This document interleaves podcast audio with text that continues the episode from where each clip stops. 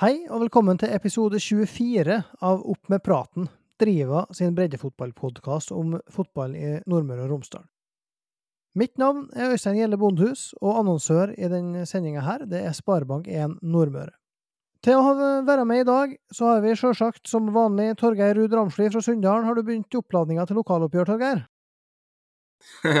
ja tenker nå litt på det. Jeg er nå litt spent på hvordan det skal gå. Så ligger jo murret i bakhodet hele tida, det. Ja, og en annen som har iallfall, om ikke det lokaloppgjøret, så, så fotball liggende som murrer i bakhodet, stort sett, det er ukens gjest. For eh, med tre kamper igjen av sesongen, så ligger Treff på en sterk femteplass i PostNord, eller andredivisjon om du vil. De er A-poeng med Kjelsås, som de møter hjemme på Reknesbanen nå på søndag, og ett poeng bak Gjøviklyn på tredjeplass.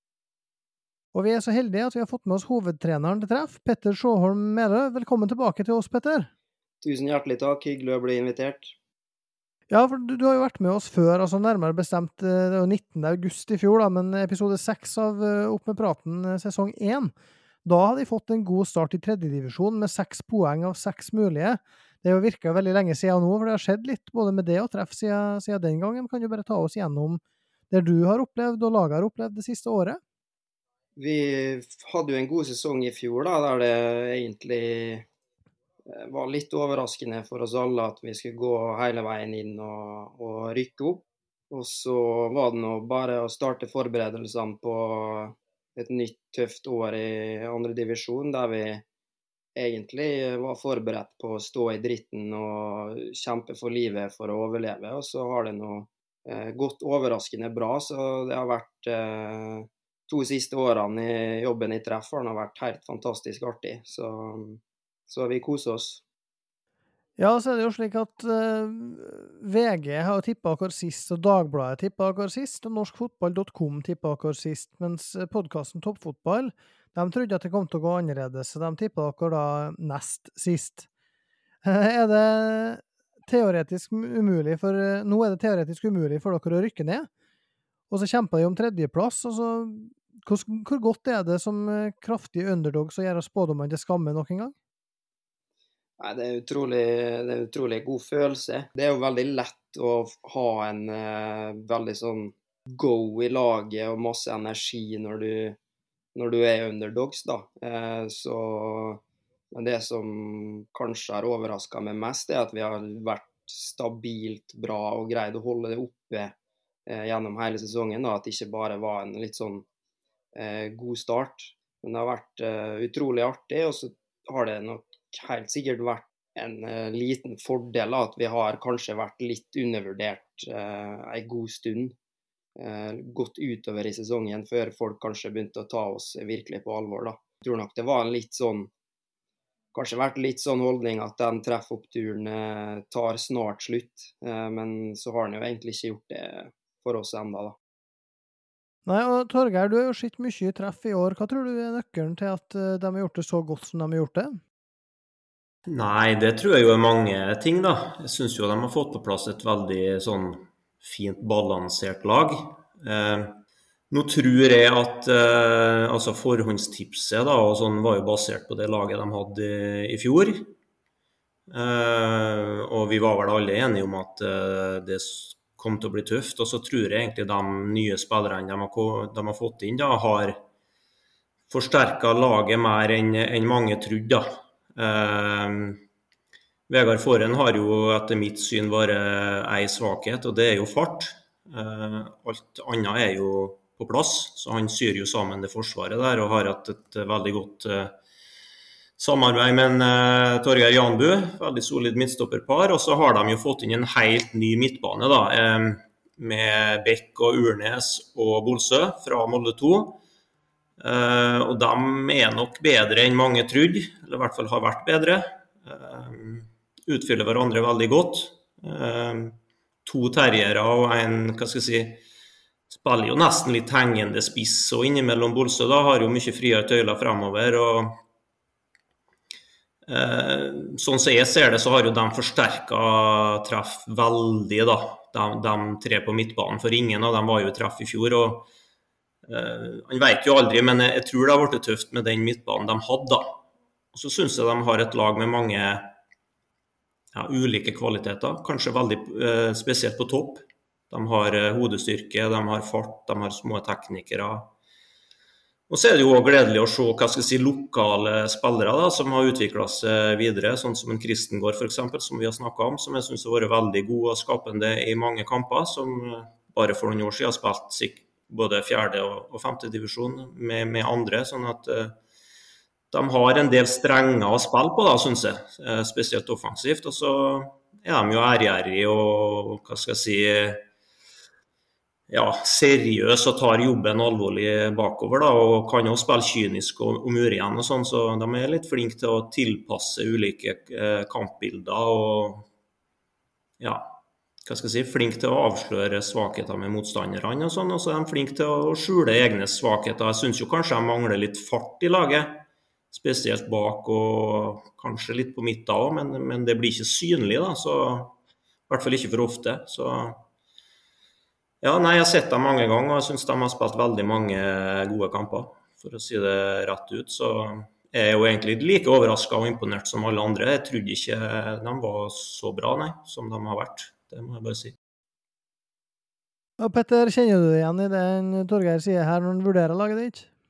Spot on analyse som alltid fra Torgeir, så det er helt, helt enig. Har de nysigneringene som du har gjort, har de eh, vært enda bedre enn du òg trodde, eller var du litt sånn at eh, når folk tippa dere nederst og du visste hva lag de begynte å få, så, så lo du litt og tenkte at ja, bare vent, det her skal de få se? De har nok vært eh, enda bedre enn det jeg hadde forestilt meg. Ja. Eh, det har de. Jeg syns eh, både dem som har kommet inn, og så spillere vi hadde i fjor, har tatt veldig mye gode steg da, og, og um, tatt nivået i divisjonen veldig bra. Uh, vi har vært flinke å, å, lære av kampene vi har spilt uh, underveis. Og så um, ja, det har vært overraskende, ja. Det må jeg si. Ja, og så var det jo ikke gitt at uh, du skulle trene treff i år. For du hadde jo egentlig bestemt deg for å pakke sammen og reise til Oslo og Vålerenga. Og Fått et spørsmål fra en du kjenner godt fra tida i Holmen, Bård Magne Hegseth, surndaling og trenerprofil. Um, han skriver om det at gutten er jo veldig populær i både Holmen og Treff, med rette, men eh, hvordan er populariteten din i Vålerenga for tida? Nei, tid leger alle sår, er ikke det de sier, så um, jeg tror vel ikke at det er noe dårlig stemning nå lenger. Jeg opplevde nå i hvert fall at det var fikk en bra mottagelse når vi kom på Intility i juni og, og jeg traff gamle kjente der. Så det er klart at det ble jo Det var litt dårlig stemning eh, når jeg sa opp jobben der, og det, det kan jeg jo forstå. Eh, fordi at eh, utgangspunktet var jo at eh, vi rykka opp på, på, en lørdag der, og så skulle jeg begynne jobben der på en mandag. Og klart at når jeg ringer og og sier opp jobben to dager før, så, så setter jo det også Vålerenga i en, en, dårlig posisjon. Eh, og Det kan hende jeg eh, kunne gjort ting annerledes med å gi Vålerenga beskjed om det før opprykket var sikra. Samtidig så var det veldig viktig for meg når vi eh, var på oppløpssida av sesongen i fjor, da, og fokusere på den jobben jeg skulle gjøre i treff. og Eh, ikke bruke for mye energi på det. Så jeg bestemte meg og etter opprykket var sikra om at eh, den oppturen her i treff og den utfordringa i PostNord, den må jeg bare ta. Så eh, jeg står godt inne for det valget jeg tok. Og så ble det litt styr, men jeg tror det, tror det er gått over. Hva tenker du, altså det året i PostNord her nå som du, du nå har fått, uh, med fasiten i hånda, eller iallfall nesten fasiten, da, for det er jo tre runder igjen. Hva har du lært det året her, og, og er det noe som har overraska deg med det å være trener i PostNord? Her er et innsendt spørsmål fra uh, dommer Eirik Furu. Ja, det er utrolig mye, utrolig mye jeg har lært. Én ting er nå i hvert fall at det er utrolig viktig å Eh, være ydmyk og godt forberedt til hver enkelt kamp og ikke bli eh, for høy på seg sjøl. Jeg husker nå etter at vi vant de to første kampene, så skulle vi jo nærmest bare ned og hente tre poeng mot Gjøvik-Lyn og gå ut og gjøre vår greie, og lå under 3-0 etter 20 minutter. Så det var en, eh, veldig stor lærepenge. Um, og så um, har jeg lært at dødballer på det nivået her er ekstremt viktig. da. Uh, der er det nok ganske stor forskjell fra tredjedivisjon, der det er, det er råere fysikk i den divisjonen. her, Det er bedre server. Uh, jeg tror lag bruker mer tid på å trene på det. så jeg husker når vi slapp inn tre cornermål hjemme mot Kisa, så um, da måtte vi ta en liten sånn sjølransakelse og virkelig eh, begynne å jobbe litt hardere med dødballer og endre vår strategi og vårt oppsett på det for å, for å rett og slett uh, bikke flere kamper i vår favør. For det var, vi så at mange av kampene var veldig jevne, og dødballer ble avgjørende. Så, så det er nå en konkret ting også som jeg har lært uh, veldig mye av. Hvis en holder seg til spørsmål fra dommere her, da, sånn Harald Webenstad, han lurer på betydninga av altså, de to gamle Molde-stjernene på laget for trener og spillere. Ja, der regner jeg med han tenker på Forren og Maktar, vil jeg tro. Da Forro først, da han er jo ekstremt viktig spiller for oss både på og utenfor banen. Han har vært eh, helt eksemplarisk. Eh, jeg mener jo at han fortsatt er en av Norges beste stoppere til å forsvare egen boks. Han, eh, han har møtt mange gode hodespillere eh, i år, men i den divisjonen her så har han faktisk spist de fleste til frokost. Og så er det jo et fotballhode og en rutine der som, eh, som bidrar veldig mye i garderoben. og er en kjemperessurs både for spillere og trenere. Eh, når det gjelder makt der, så har jo han eh, har jo han en hverdag med, med, to unger og jobb som gjør at han eh, har kunnet trent mindre og mindre i år. Som er også grunnen til at han har spilt mindre og mindre i fjerdedivisjon. Eh, men når han først er med, da, så er det jo en eh, vanvittig god fotballspiller som han kan, han kan møte på én trening i uka, og han eh, holder nivået og vel så det. Eh, og så er det jo et humør der som tilfører gruppa veldig mye energi. da, Så det er to eh, to gode gutter som uh, har vært ekstremt viktige for oss i år. Ja, så hadde vi vel med Mathias Mostrøm òg tidvis i, i vårsesongen. Uh, han har ikke spilt nå i høst? Nei, Mostrøm har jo bidratt kjempemasse på de tingene jeg har nevnt uh, med de to andre så lenge han har vært med. Og så var han veldig delaktig i vårsesongen, og så har han begynt å slite en del med litt med skader og en hektisk jobbhverdag eh, nede på Aker stadion. der. Han er jo i trenerteamet til, til, Molde som har gjort det vanskelig for han å henge med på det kjøret som er med å være med i Post Nord, så han har ikke vært med noe særlig nå i høst. Selv om eh, Ullkisa og Hødd nå har stukket fra, så er det jo bare sju poeng fra Gjøviklyn på tredje til Brattvåg på niende. Og når de nå har igjen Kjelsås hjemme, og så har de Bærum borte, som ligger på tiende, og Brattvåg hjemme, hva mål og forventninger har du til sesongavslutninga deres? Nei, Vi har nå valgt å sette oss målsetning om å ta den tredjeplassen. da. Eh, det går nå egentlig mest på altså Vi kan ikke rykke ned, vi kan ikke rykke opp.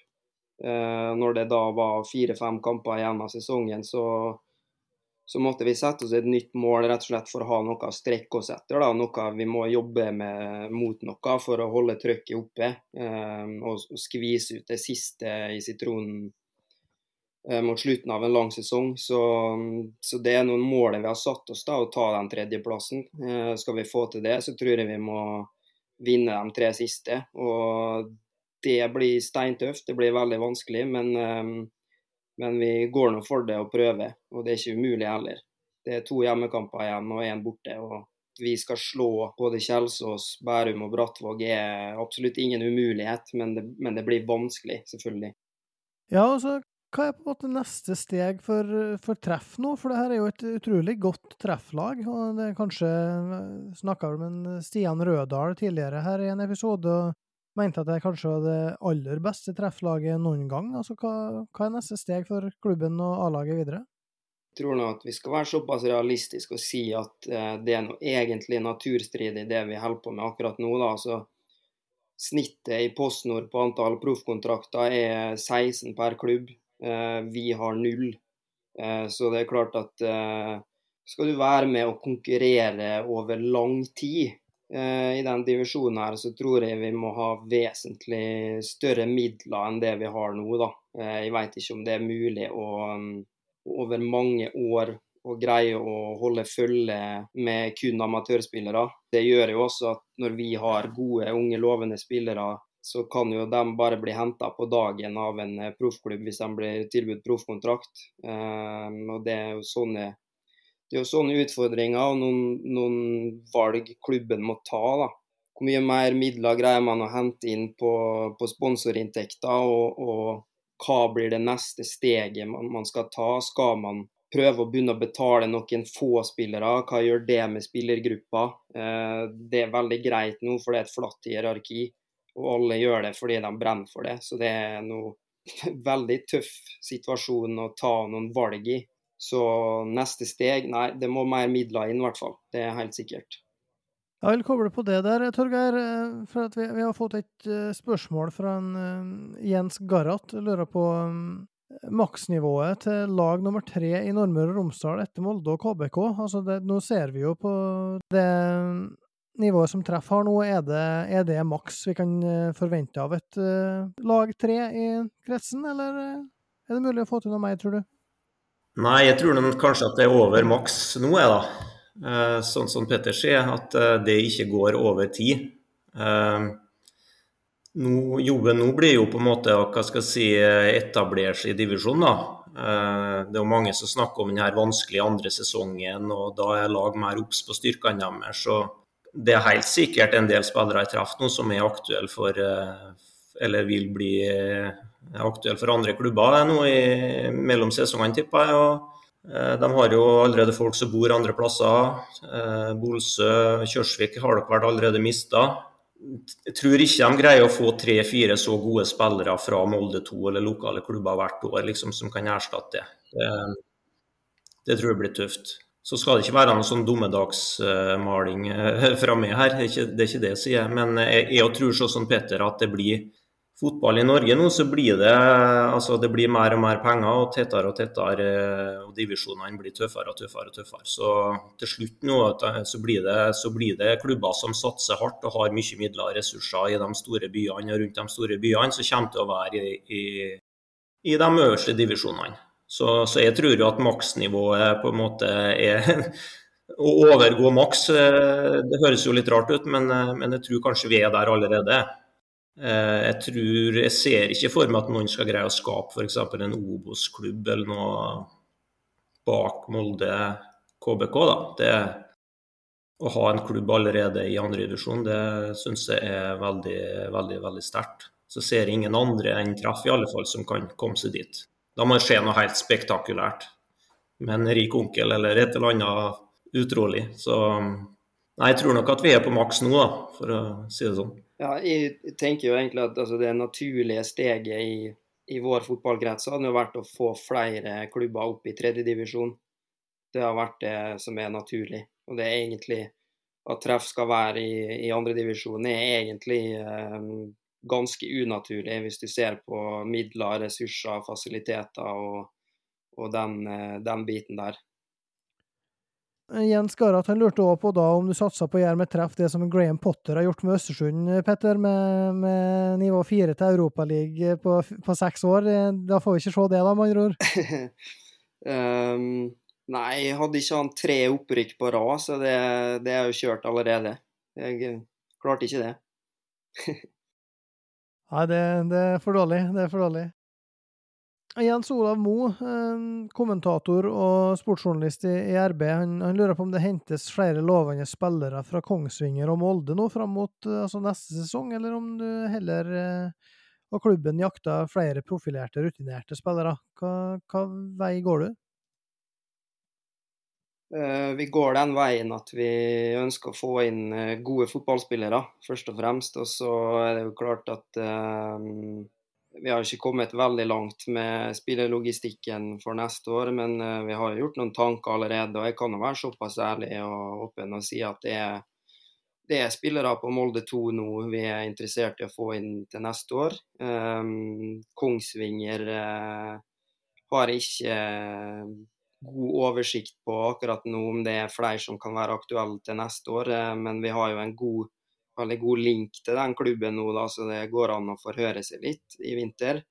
Eh, så er det selvfølgelig alltid velkomment og ønskelig å ha profilerte, rutinerte spillere. Det er du nødt til å ha for å, for å stå i den divisjonen her. og Eh, du kan ikke bare ha unggutter, du, du må ha unggutter òg, men du må også ha de rutinerte som, eh, som, kan hjelpe til litt ekstra når det begynner å dra seg til. da. Så ja. Hva, hvor går veien for din egen del? Blir det nytt, en, en ny sjanse med en toppklubb, eller blir du i treff? Utgangspunktet er nå at de blir i treff, ja. Så er det noen forhandlinger som pågår. Så jeg har kontrakt eh, ut året og jeg er innstilt på å forlenge den kontrakten. Så det er ingenting som er avgjort, men det er nå det som ligger i kortene, i hvert fall. At de fortsetter. Vi har lang tradisjon for å heie med åpne hjerter i regionen vår. På sidelinja er vi alle likeens. Enten det er på den nye femmerbanen der Dråkungene skåra sitt første mål, eller et lokalderby i fjerdedivisjon. Sparebank1 Nordmøre er din lokale heiagjeng. Vi skal se litt på fjerdedivisjon. Det begynner å nærme seg slutten der òg, men eh, det var en runde i helga der en fikk eh, både storseiere og mm, ja, stort sett det en vil kalle favorittseiere, kanskje. Eh, Eide Omeng Dale til 3-3. Vestnes Varfjell Sunndal 0-3. KBK2 Åndalsnes 5-0. Surnadal Malmefjorden 7-0. Tomrefjord KFK CFK 2-0 og treff 2 mot Misund 5-1. Og Torgeir, du har jo måttet vurdere Sunndal mye etter eh, noen kamper der du har måttet kritisert dem litt, eller, og der det har vært eh, naturlig. Eh, nå skal du få anledning til å skryte litt. 3-0 borte mot Vestnes Varfjell, det, det er sterkt? Ja da, det er bra. Um, kjente at Sunndal litt sånn fra vårsesongen og hvordan de var i, i fjor. da. Jeg så jo ikke kampen, men uh, det var jo knapt oppdateringer på Vestnes sin Twitter-konto. og, Det sto òg etter kampen at de ikke hadde skapt noe, og det sa òg Sunndalen. sånn at eh, ja, Det som gleder meg mest, er jo at forsvarsspillet var tilbake da. og så var det litt sånn på våren og i fjor òg at eh, de var gode bakover. Og så var det en eh, par angripere som skåra hvert sitt mål. og Det var, har på en måte vært oppskrifta, og det var tilbake nå. Uh, og så har de et tøft kampprogram resten av sesongen. Og så legger jo jeg lista høyere enn eh, å slå Vestnes. Det, det skal, mener jeg jo at Sunndal skal gjøre eh, hver gang. Så jeg vil jo se hva de gjør mot bedre lag, og det, det får vi nå se nå. For jeg vil jo at Sunndal skal være et lag som ja, når KBK2 da forhåpentligvis rykker opp, så vil jeg jo at Sunndal skal være et lag som kan kjempe om, om avdelingsseieren neste år. Og da da legger ikke lista med å slå Vestnes, sjøl om det var et godt resultat og en fin opptur etter en, en tung periode, der laget virka litt tilbake på det gode sporet de var på i vår og, og forrige sesong. Så får håpe det fortsetter. Ja, og som du sier, så er jo KBK2 eh, De fortsetter jo den gode flyten de er inne i, og ser helt uslåelige ut. Vant 5-0 over Åndalsnes nå sist. Henrik Gjesdal starta og gikk ut eh, tidlig som eh, annonsert, og fikk nok en kamp for å kunne spille opprykkskvalik. Og de hadde òg med Mikkel Rakneberg den gangen her. Så det er tydelig at uh, i Kristiansund så begynner de å forberede seg litt her nå. Og det er jo slik nå at Bergsøy har leda fjerdedivisjonen på Sunnmøre helt til i helga, men da tapte de 3-5 for SIF Hessa. Det betyr at Herd gikk forbi, og Herd har 47, Bergsøy 45 poeng, tre kamper før slutt og de to lagene møtes nå i helga på Herd sin hjemmebane. Så det betyr at Herd med seier der kan nærmest avgjøre mm, hvem som, eller at de får møte avdelingsvinneren på Nordmøre og i Romsdalen, som ser ut til å bli KBK. Yes. Eh, jeg har jo fått noen meldinger i løpet av uka her eh, etter at jeg mm, dro den parallellen med, med mm, Surnadal og Tomrefjord forrige gang. Eh, Tomrefjord som vant serien i fjor og imponerte spesielt defensivt da. Eh, og nå har Surnadal gjort mye av det samme en del kamper i år, der de har eh, vunnet tette kamper og vippa dem i sin favør. I helga så var Malmefjorden på besøk, og da vant Surnadal 7-0. Der eh, må jeg jo bare si det at det var jo, som resultatet sjølsagt da sier, helt og fullt fortjent. Og det var Powerplay omtrent fra, fra start til slutt. Malmefjorden hadde vel et skudd over eh, noen minutter før full tid, men ellers så var det ja, kanskje det, det jeg har etterlyst litt, da, med at eh, det var en offensiv fotball, og at det satt litt eh, bedre, og det var gjenvinning høyt i laget. og Ingebrigt Løfaldli ble kåra til Surnadals beste i den kampen. Spilte en meget god kamp, en av mange. Vegard Juel var jo for meg Jeg har jo snakka om han tidligere, og alle som har fulgt fotballen i, i, kretsen her, er jo klar over at han er en god fotballspiller. Årets spiller i Surnadal i fjor. Han eh, var jo hjemme fra militæret nå i helga, og runda jo bekken sin ja, stort sett hver gang. Så det, det hadde gått ja, litt over halvspilt første omgang. Da hadde de allerede skifta back én gang, Malmefjorden, og da kom ropa fra ja, Malmefjorden-spillere om å skifte back en gang til. Så mm, det er tøft å spille back mot en Vegard Juel. Jeg må si det at uh, det var artig å se, se Malmefjorden. da. En god keeper, og, og Fredrik Røvik spilte en god kamp. Bra fart i kroppen og, og mm, spennende type, syns jeg. Og full, full, pinne i 90 minutter, så det, det er en del uh, i det laget, sjøl om de ikke fikk det ut mot Surnadal nå i helga. Sander Smevold, slitt med kneskade, skåra to. Da er han oppe i elleve, som er samme som en Idar Lysgård har.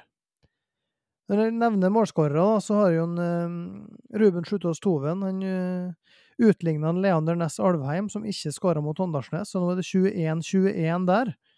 Mens han Tobias Dale skåra to og er oppe i 16. Så der, der er det spennende tre, tre runder før slutt. Uh, vi har snakka litt om Misund og deres sjanser til å mm, berge plassen, uh, Petter. Nå berga jo Treff 2 plassen òg i teorien, de har jo i praksis gjort det før, men nå er det jo teoretisk umulig for dem å rykke ned. Hvordan vurderer du eh, Treff 2 sin sesong? Ekstremt variabel. Vi må vel være såpass ærlige og si at det har vært en del enkeltkamper der vi har forventa at vi skal prestere bedre og, og kanskje vunnet de kampene. Og så er det jo også andre kamper vi har stilt lag der vi er godt klar over at her eh, blir det tøft. Så det er litt sånn typisk andrelagssesong. Eh, bra maksnivå, for dårlig bunnivå, litt for ustabilt. Og så eh, henger nok det sikkert litt sammen også med at Treff 2 er jo ikke ei ega treningsgruppe. Det er jo ikke spillere som trener sammen. Eh, gjennom treningsuka. Det er noen A-lagsspillere, så er det noen juniorspillere som, som hospiterer litt opp til A-laget. Så det um, har nok gjort, uh, gått litt utover det relasjonelle spillet til Treff 2, da, og gjort at det har variert litt. Men um, hvis vi skal summere det opp, så vil jeg nå si at det har ikke vært mer enn det må være. Nei, det var iallfall en, en uh, solid 5-1-seier nå i helga. De har jo en angrepsrekke der i, som de stiller med, med som er veldig sterk i fjerdedivisjon, og som òg er, er, mye spilletid i noen divisjoner høyere opp her. Men uh, de er jo òg involvert i det som uh, Eller en kamp som kan være avgjørende i nedrykksstriden nå neste helg, mot Åndalsnes borte. Hva, hva stiller de med der, tru? Nei, jeg veit ikke ennå. Den troppen tas jo ut på torsdag. Um, så er det jo Vi ønsker å stille så bra, så bra, som mulig, selvfølgelig. Men så må vi også ta hensyn til totalbelastning på enkeltspillere i og med at det er A-kamp på søndag.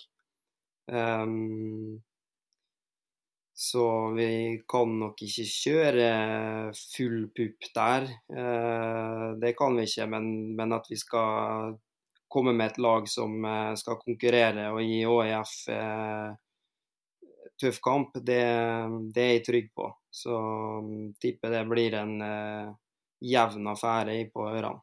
Så blir det For vår del så blir det jo mye verre de to siste kampene, for de går jo samtidig som A-kamp. Eh, og Det har vi stussa litt på, da, at eh, kretsen ikke har tatt hensyn til det. For det gjør det jo egentlig umulig for oss å, å stille tilsvarende vi har gjort i hele år i de to siste kampene. Ja, det er jo mot KFK, CFK og Malmefjorden, så det, det er jo òg kamper som er Der, dere møter litt, kanskje litt, eh, litt annet treff to-lag enn det som Misund og Åndalsnes nå har gjort i kampene før, da. Så er det jo slik at KFK og CFK de ligger jo sist, og, det ser vanskelig ut med tanke på å holde seg, uansett hva trefflag de møter. Men de møtte Tomrefjord nå sist, tapte 2-0. De møtte Surnadal kampen før, tapte 2-1. Det er jo relativt tette kamper, iallfall i målprotokollen, og det kan jo være tegn til at det kan bli en lover relativt godt for femtedivisjonen eventuelt neste år, Torgeir, tror du ikke det?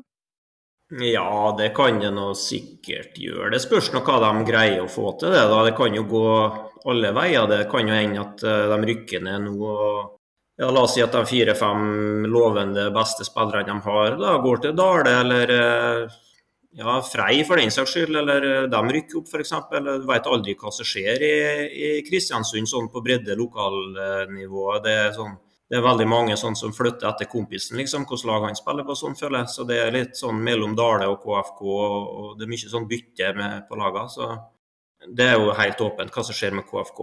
Det, de har jo sagt tidligere at de skal bygge opp en ny stamme med egne gutter som eh, er mye på trening og, og sånn. Så det har vi jo advart litt mot. Fikk jo dessverre rett, men eh, kanskje på lengre sikt. Men aldri noe pluss å rykke ned uansett, uh, i min bok. da. Det Tape mye kamper og, og rykke ned det er sjelden noe, noe, bra, for å si det sånn. Så.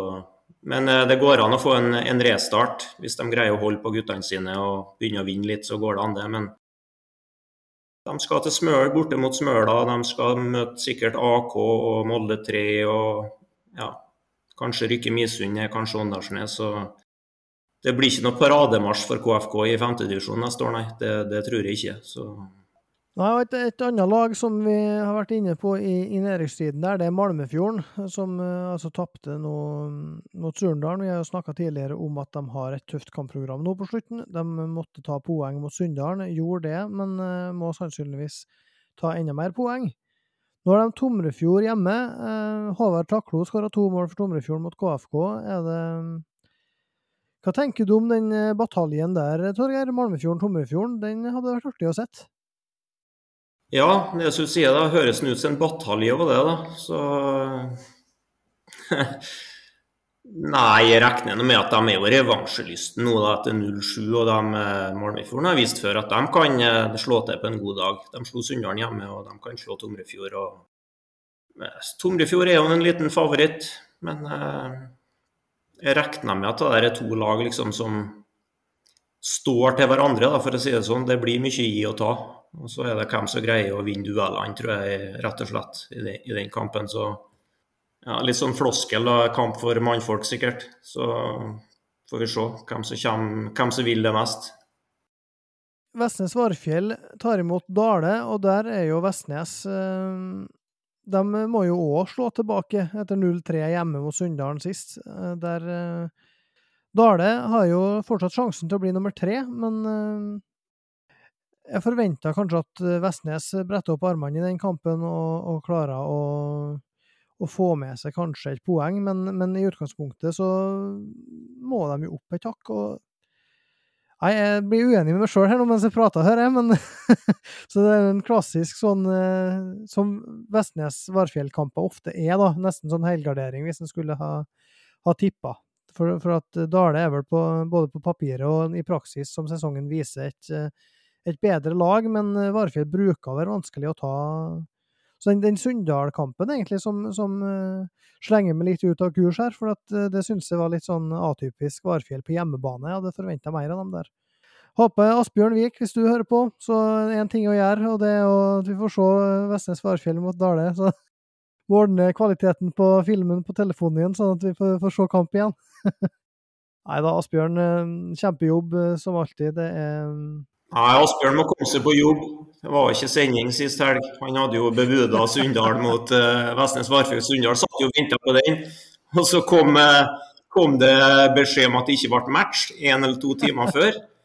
Rødvinsflaska var innkjøpt og snusen lå på bordet. Nei, kom du på jobb, Asbjørn? Ja, det er nesten så det lukter en spleis eller kroner, kronerulling her, sånn at Asbjørn får, får filme kamp. altså, For at, uh, her må vi ha en Asbjørn på jobb. Vi har eh, en kamp som vi skal ha ei ega sending om her, Petter. Det er jo Sunndal-Surndalen. Vi kommer også med ei, en spesialpodkastepisode der etter hvert, senere i uka. Men hva, du som er den mest uh, objektive av uh, oss tre her nå, hva, hva tenker du om Sunndal-Surndalen? Nei, si det. Det blir vel en tett og jevn bikkekamp, tipper jeg. Så har vel Jeg mener jeg så på, så på Twitter her nå at Sunndal har vel statistikken på sin side hjemme, da. Så um, nei. Skal vi gå for en Melde en U der, Tett og jevnt, og det blir U. Ja, vi skal ikke foregripe for mye, vi, Torgeir. Vi skal snakke om den kampen her senere. Men uh, hvis du skal gi et tippetegn, da, hva, hva sier du da om uh, Sunndal-Surndal på Sande? Nei, jeg må være uh, si U, jeg òg, da. Fordi at jeg må bruke litt hjerte og litt hode. Så hvis du ser på høstsesongen da, og utviklinga til lagene, så så er jo Surndalen det laget som er i best form. og De er vel ti poeng foran Sunndal nå. Jeg kan jo si at det reelt er sju, da, for at eh, jeg regner med at Sunndal slår KFK hjemme i den utsattkampen. Så Surndalen har jo vist det som et bedre lag enn Sunndal nå på høsten, men så er det et lokalderby der Sunndalen har litt taket på, på Surndalen. Eh, I hvert fall på Sande.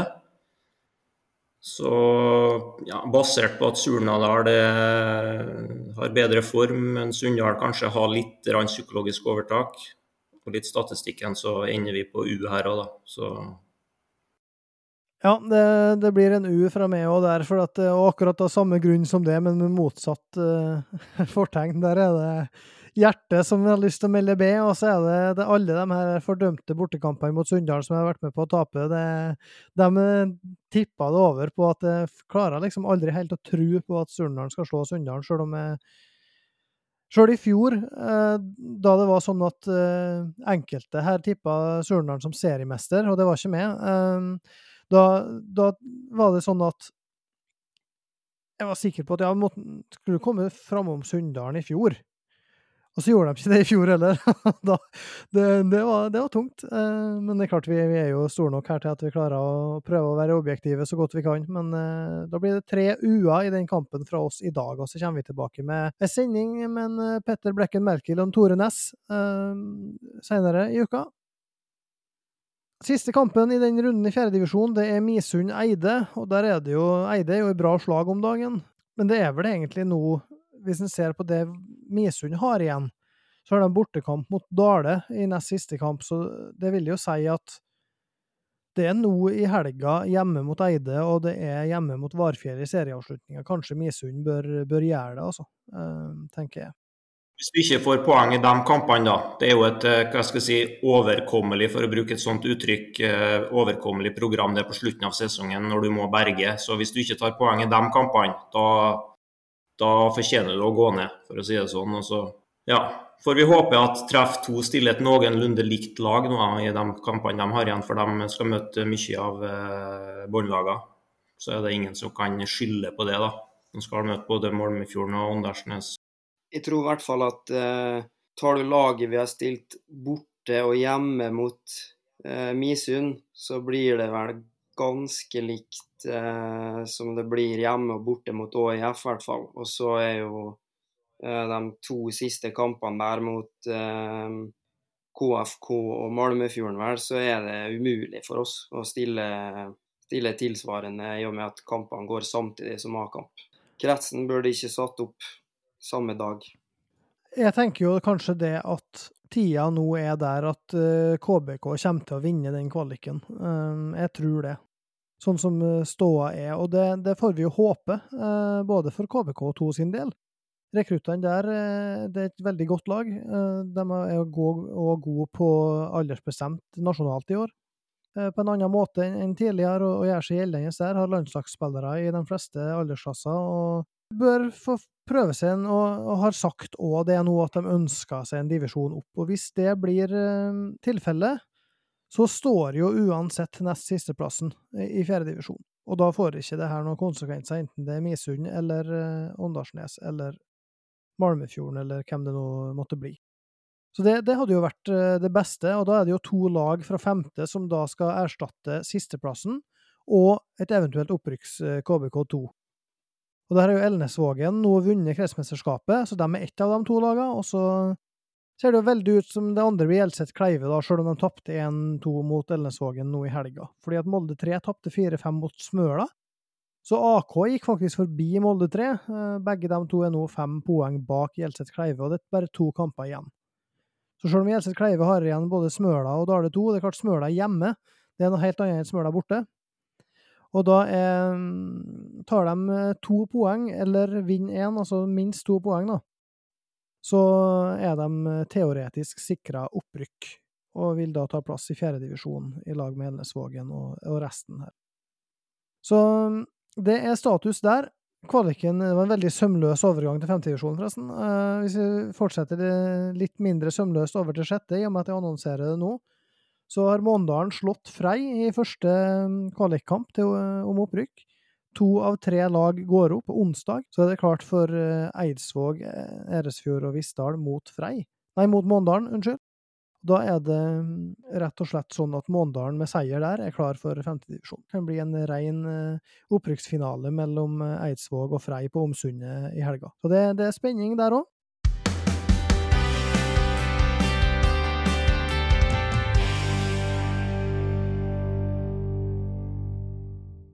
Vi har fått inn veldig mye spørsmål i dag, Petter. Det er en populær mann både blant uh, medtrenere i treff og, og uh, ivrige lyttere.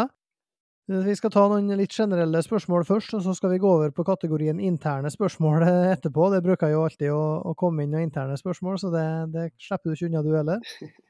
Eh, Svein Erik Gregersen, vi begynner med han. Grego. Han er fast innsender og lurer nå på om det er noen fra fjerdedivisjonslagene som kunne spilt seg inn på treff i dag, som er gode nok akkurat nå. Og Jens Olav Moe har også sendt inn et relativt likt spørsmål, men som lurer på en fra hver lagdel, da. Men, men er det noen spillere i fjerde som uh, er treffkaliber på? Ja, det er det nå absolutt. Vi kan jo begynne med Judasen Fredrik Kostberg som gikk til Tomrefjord, da, han skulle skulle selvfølgelig vært i treff. Um, en i hver lagdel, ja. På midten. Uh, og ja, Kanskje litt kjedelig å si KBK2-spillere, da, men uh, Heine der hadde jo, hadde jo vært Han er jo mer enn god nok. også Ruben Toven er jo god faktisk lyst til å nevne Jeg tror du nevnte den i en pod nylig, Torgeir. Men jeg var og så eh, KBK2 uh, eh, mot ÅIF forrige fredag. Og han Paiva der har jeg faktisk ikke lagt merke til før. Jeg har sett han både i juniorkamper og i fjerdedivisjon tidligere, men den kampen der så var han meget imponerende. Så kanskje han var en av banens beste spillere. Så jeg må må si, fikk øynene opp for han også i den kampen. Og så er det helt sikkert mange flere jeg kunne nevnt òg, som er spennende, gode spillere. Iver Flønes i femtedivisjon, ikke minst. Ja, og i, i forrige podkast snakka vi om at uh, det i årets fjerdedivisjon er flere spillere som godt kunne hevda seg oppe i systemet, bl.a. Ronald Paiva. Og så er det et spørsmål her om, om panelet har noen råd og tips til unge spillere som kunne tenkt seg å prøvd seg et knepp eller to opp hvordan skal du komme i kontakt med og få vise fram for aktuelle klubber? og hva, hva er rett og fornuftig framgangsmåte hvis eh, de skal ha en ny spiller, Petter? Hvordan, eh, hvordan foregår det? Altså, hvordan kan en ung, eh, ambisiøs spiller få prøve seg i treff? Nei, Det er nå bare å ta kontakt, det. Og spørre om han får lov å prøve seg på trening. Og så er jo ikke fotballmiljøet større enn at vi da greier å finne litt ut om spilleren, om det er en vi bør sjekke ut ved å snakke med folk. Så det det, det har skjedd både at vi har blitt kontakta av en spiller vi ikke kjenner til, eh, høre med folk i miljøet og finne ut at OK, dette her bør vi se på. Eh, så selvfølgelig at vi avklarer det med klubben spilleren tilhører, da, eh, først selvfølgelig. Eh, også andre veien, at det er spillere som tar kontakt og ønsker å prøve seg. og Eh, men vi sier rett og slett nei, da, fordi at vi ser på det som urealistisk at man er klar for det nivået. Men eh, det er nå bare å spørre, og det, altså, det, verste du får er et nei. Så det, og det er noe helt ufarlig. Men jeg oppfordrer jo alle spillere til å være åpen og ærlig om at man tar kontakt med andre klubber med sin egen klubb først, da, sånn at det, det gjøres, ting gjøres i riktig rekkefølge. Det er noe veldig viktig. da. Men opplever de ofte at andre klubber eller ansatte der, eller altså sånn tips av dere om Eller tilbyr, eller på en måte sier at vi har en de bør se på? Eller kommer det ofte interesser fra spillere sjøl? Jeg har vel aldri opplevd at klubb tar kontakt om det, nei. Det er ikke mitt i treffstolen i hvert fall. Det har jeg ikke opplevd. Så det, det er stort sett spillere sjøl som tar kontakt. Så er det et spørsmål her da fra en tidligere nevnte Fredrik Kåssberg. Han lurer på hvor mye av trenervirket ditt har du lært av din legendariske far, Rune Sjåholm, og har du vurdert å ta i bruk rumpetaske på sidelinja, du òg? Det er klart jeg har lært utrolig mye av han, da. Det sier noe seg sjøl, egentlig. Så Men rumpetaske, det kommer du aldri til å se meg igjen Enten om det er på sidelinja eller uh, på, på, sydentur. Men uh, han brukte jo faktisk det når han var aktiv sjøl for uh, eh, 10-15 år siden på linja. da Hadde sånne notatlapper nede i rumpetaska. Så han har jo aldri vært spesielt forfengelig av seg, da. Det, det må man kunne si. Men ja, lærte veldig mye av han. Ja, han, han Rune han er jo faktisk eh, grunnen til at jeg kunne flytte hjem fra Oslo, eller iallfall delvis i, i sin tid, for han var eh, daglig leder i idrettskretsen, og var da med og gjennomførte intervjuer eh, da jeg ble ansatt som daglig leder i Surnadal IL. Så det var veldig, han var jo med og hadde opplæring òg på meg, så det var veldig artig. og og stor, stor, takk til han for at Nå var det ikke han som avgjorde at de tilbød meg jobb, men han var iallfall delaktig i en god prosess, så det, det er artig. Um, vi har et uh, interessant spørsmål her fra uh, Bendik Hårberg, som lurer på om hva du syns om nivået til dommerne i Post Nord? Eh, Altfor variabelt. Det er jo det er jo forskjellig list fra uke til uke, så det du kan ha veldig god dømming ene uka, og så er det ikke i nærheten av bra nok neste uke. Det må være såpass ærlig å si det. Det gjør det litt vanskelig å, å henge med. Men uh, jeg må nå, må nå, skryte av nevnte Hårberger. Han er, han er vel en av de bedre dommerne vi har hatt i år. Tydelig list. Uh, og flink å kommunisere underveis og tåle at sånne som meg når det koker litt over, at det kommer spontanreaksjoner og eh, et lite svar fra, fra Bendik da, så får du i hvert fall en forklaring og noe å forholde deg til, og da roer jeg meg fort ned igjen. Så han er vel en av de bedre vi har hatt i år, eh, må jeg si. Der fikk han vel det svaret han ville ha, da, sikkert. Så kjenner han Bendik rett? Nei da. Jeg er enig, han har blitt en, en god dommer, og han er overraskende rolig som dommer, syns jeg, da, i forhold til hvordan han er som spiller. Jeg kjenner han jo veldig godt, jeg har jo spilt i lag med han, og jeg har hatt han som spiller, som trener. og Der er det jo temperament, men du ser ikke det når han dømmer. Så enig, han er av de bedre, han, ja, i divisjonen. Ja, og så lurer han eh, Jan Ragnvald Eide, som vi hadde med oss i poden her forrige uke, rett og slett på hva som er dine topp to øvelser på trening, Petter? topp én er nå å spille, i hvert fall. Du må nå spille fotball på trening og gjøre det som ligner på, ligner på kampen. Så nei, jeg tror jeg nøyer meg med topp én i. Det beste du kan gjøre, er å spille. Spille mye. Hva tenker du, Torgeir? Jo, jeg er helt enig i. Å spille så likt som mulig som, som du skal spille kamp, jeg tenkte å si. Og det er jo utfordrende, har vi snakka om før da, i breddefotballen, der det ofte er lite folk på trening. men uh, det er sikkert uh, litt bedre stilt i, i treff, da går ut ifra. Men uh, ja, å spille fotball er, er, viktig. Men jeg er faktisk ikke så stor tilhenger av så mye sånn fire mot fire og fem mot fem. Da. Det blir litt annen fotball enn du faktisk skal uh, utøve. Så hvis du er lite folk på trening, så er det ikke alltid det det beste. Men uh, litt sånn storlagsspill, åtte mot åtte, ni mot ni, hvis du får til det, så kan du trene på en del moment og litt ulike faser av spillet. Så ja, tror jeg alle spillere, da, hvis jeg skal sette meg som spiller, ikke som trener, så tror jeg alle spillere liker sånn firkanter og rondoer og, og, litt sånn. Det tror jeg det, det er de fleste liker. altså ser jeg at det går en liten debatt der og nå om hvor, hvor, hvor eh, hva skal jeg si, virkningsfullt det er, da. Men hvis det, der er jo ikke alle som er enige. Noen mener jo at du ikke trener fotballrelaterte ting, eller kamprelaterte ting i, i, en firkant, og andre mener at du gjør det. så Det er jo litt sjarmen med det. Så, men jeg tror i hvert fall spillerne syns det er relativt artig. da.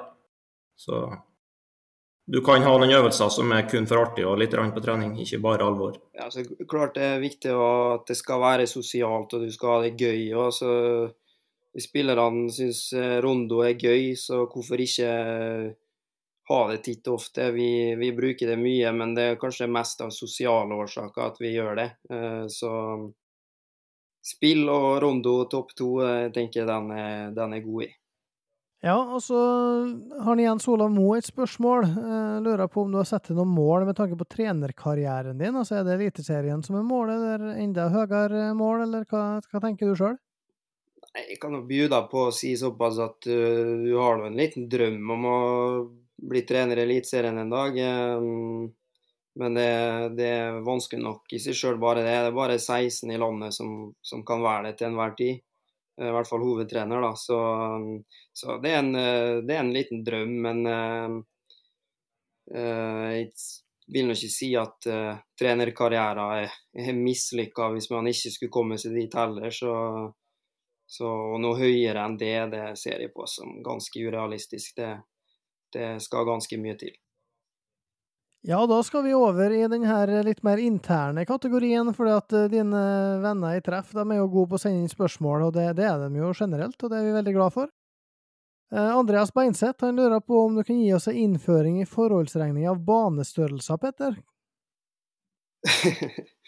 ja, altså det spørsmålet der det kommer jo fra nerden Beinseth, fordi han veit at det, det, der er ikke i stand til. Jeg, jeg satt vel en dag og prøvde å skulle regne meg fram til noe, fordi jeg ville ha en fasit da, på det antallet du har på trening, om det er åtte mot åtte eller sju mot sju.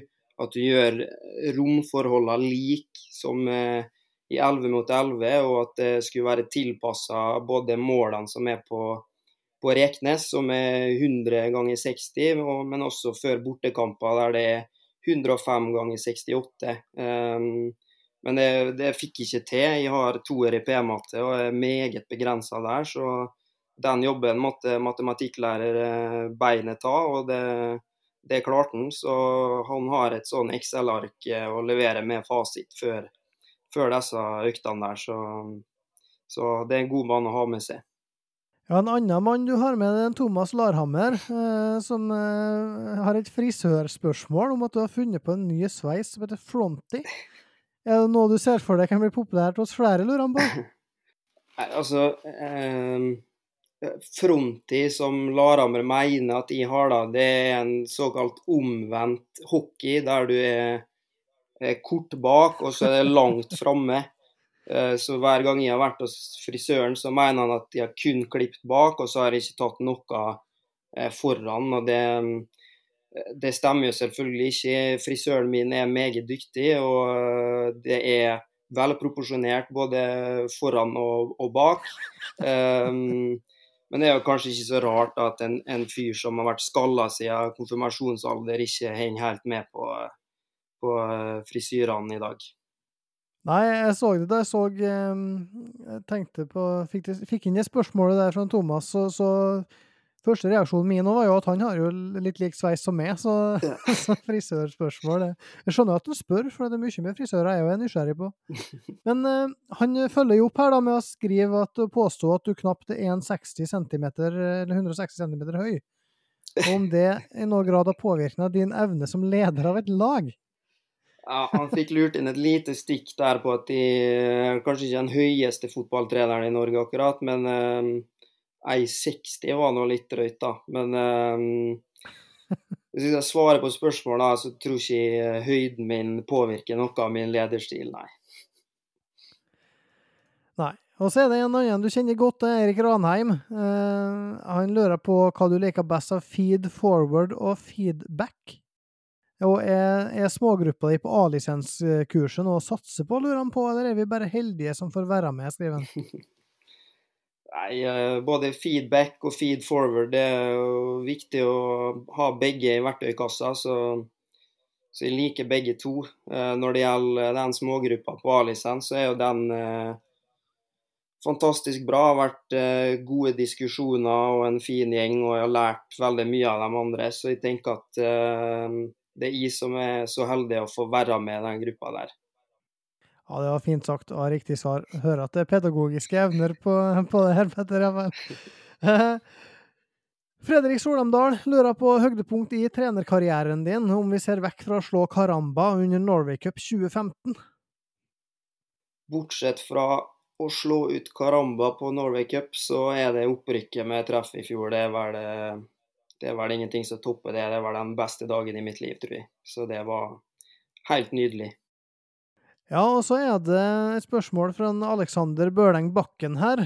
Om du angrer på lovnaden du ga spillerne hvis Treff klarer tredjeplassen i årets andredivisjon. Da må vi jo selvsagt få høre hva lovnad det var, da. Ja, det angrer jeg på. Um, det er at hele trenerteamet, faktisk, da, ikke bare meg, vi skal ta ei bjeff-bjeff-tatovering hvis de klarer å bli nummer tre. Så jeg har vel eh, hele mitt liv tenkt at jeg skal ikke ha noe blekk på min kropp, men eh, ja, tar de den tredjeplassen, så får vi bjuda på. Så er det nå eh, heldigvis vi som bestemmer sjøl hvor stor den tatoveringa skal være, og, og, hvor på kroppen, så den, den skal bli godt skjult, ja. Det skal den. Ja, her er det altså bare å heie på da, at Treff sikra den tredjeplassen. her. Men opp med praten, vi er ferdige for i dag. Så tusen takk til deg, Petter, for at du var med oss, og lykke til med en spennende innspurt. Tusen hjertelig takk for det. Veldig hyggelig å få være med. Og takk til alle som har hørt på. Som nevnt så er det ikke noe grunn til å fortvile, for vi er tilbake allerede seinere denne uka her. Da skal vi dissekere og diskutere lørdagens godbit, nemlig lokaloppgjøret Surnadal mot Sunndalen, bare et omvendt og på Sande. Petter Brekken Melkild er med, Tore Næss er med, og det blir vel artig det, Torgeir? Ja, det får vi håpe. Du kjører jo på. Du, jeg trodde du hadde pappaperm, men eh, det er jo noe som skal skje hele tida. Så vi får bare stille opp. Det er ikke det. Ja, slik er det. Vi kan ikke hvile når det fortsatt er sesong. Vi har tross alt et halvt år oppkjøring etterpå, så da er det rett og slett så mye opp med praten som mulig mens vi har sjansen. Men eh, i kveld er vi ferdig. Takk for nå.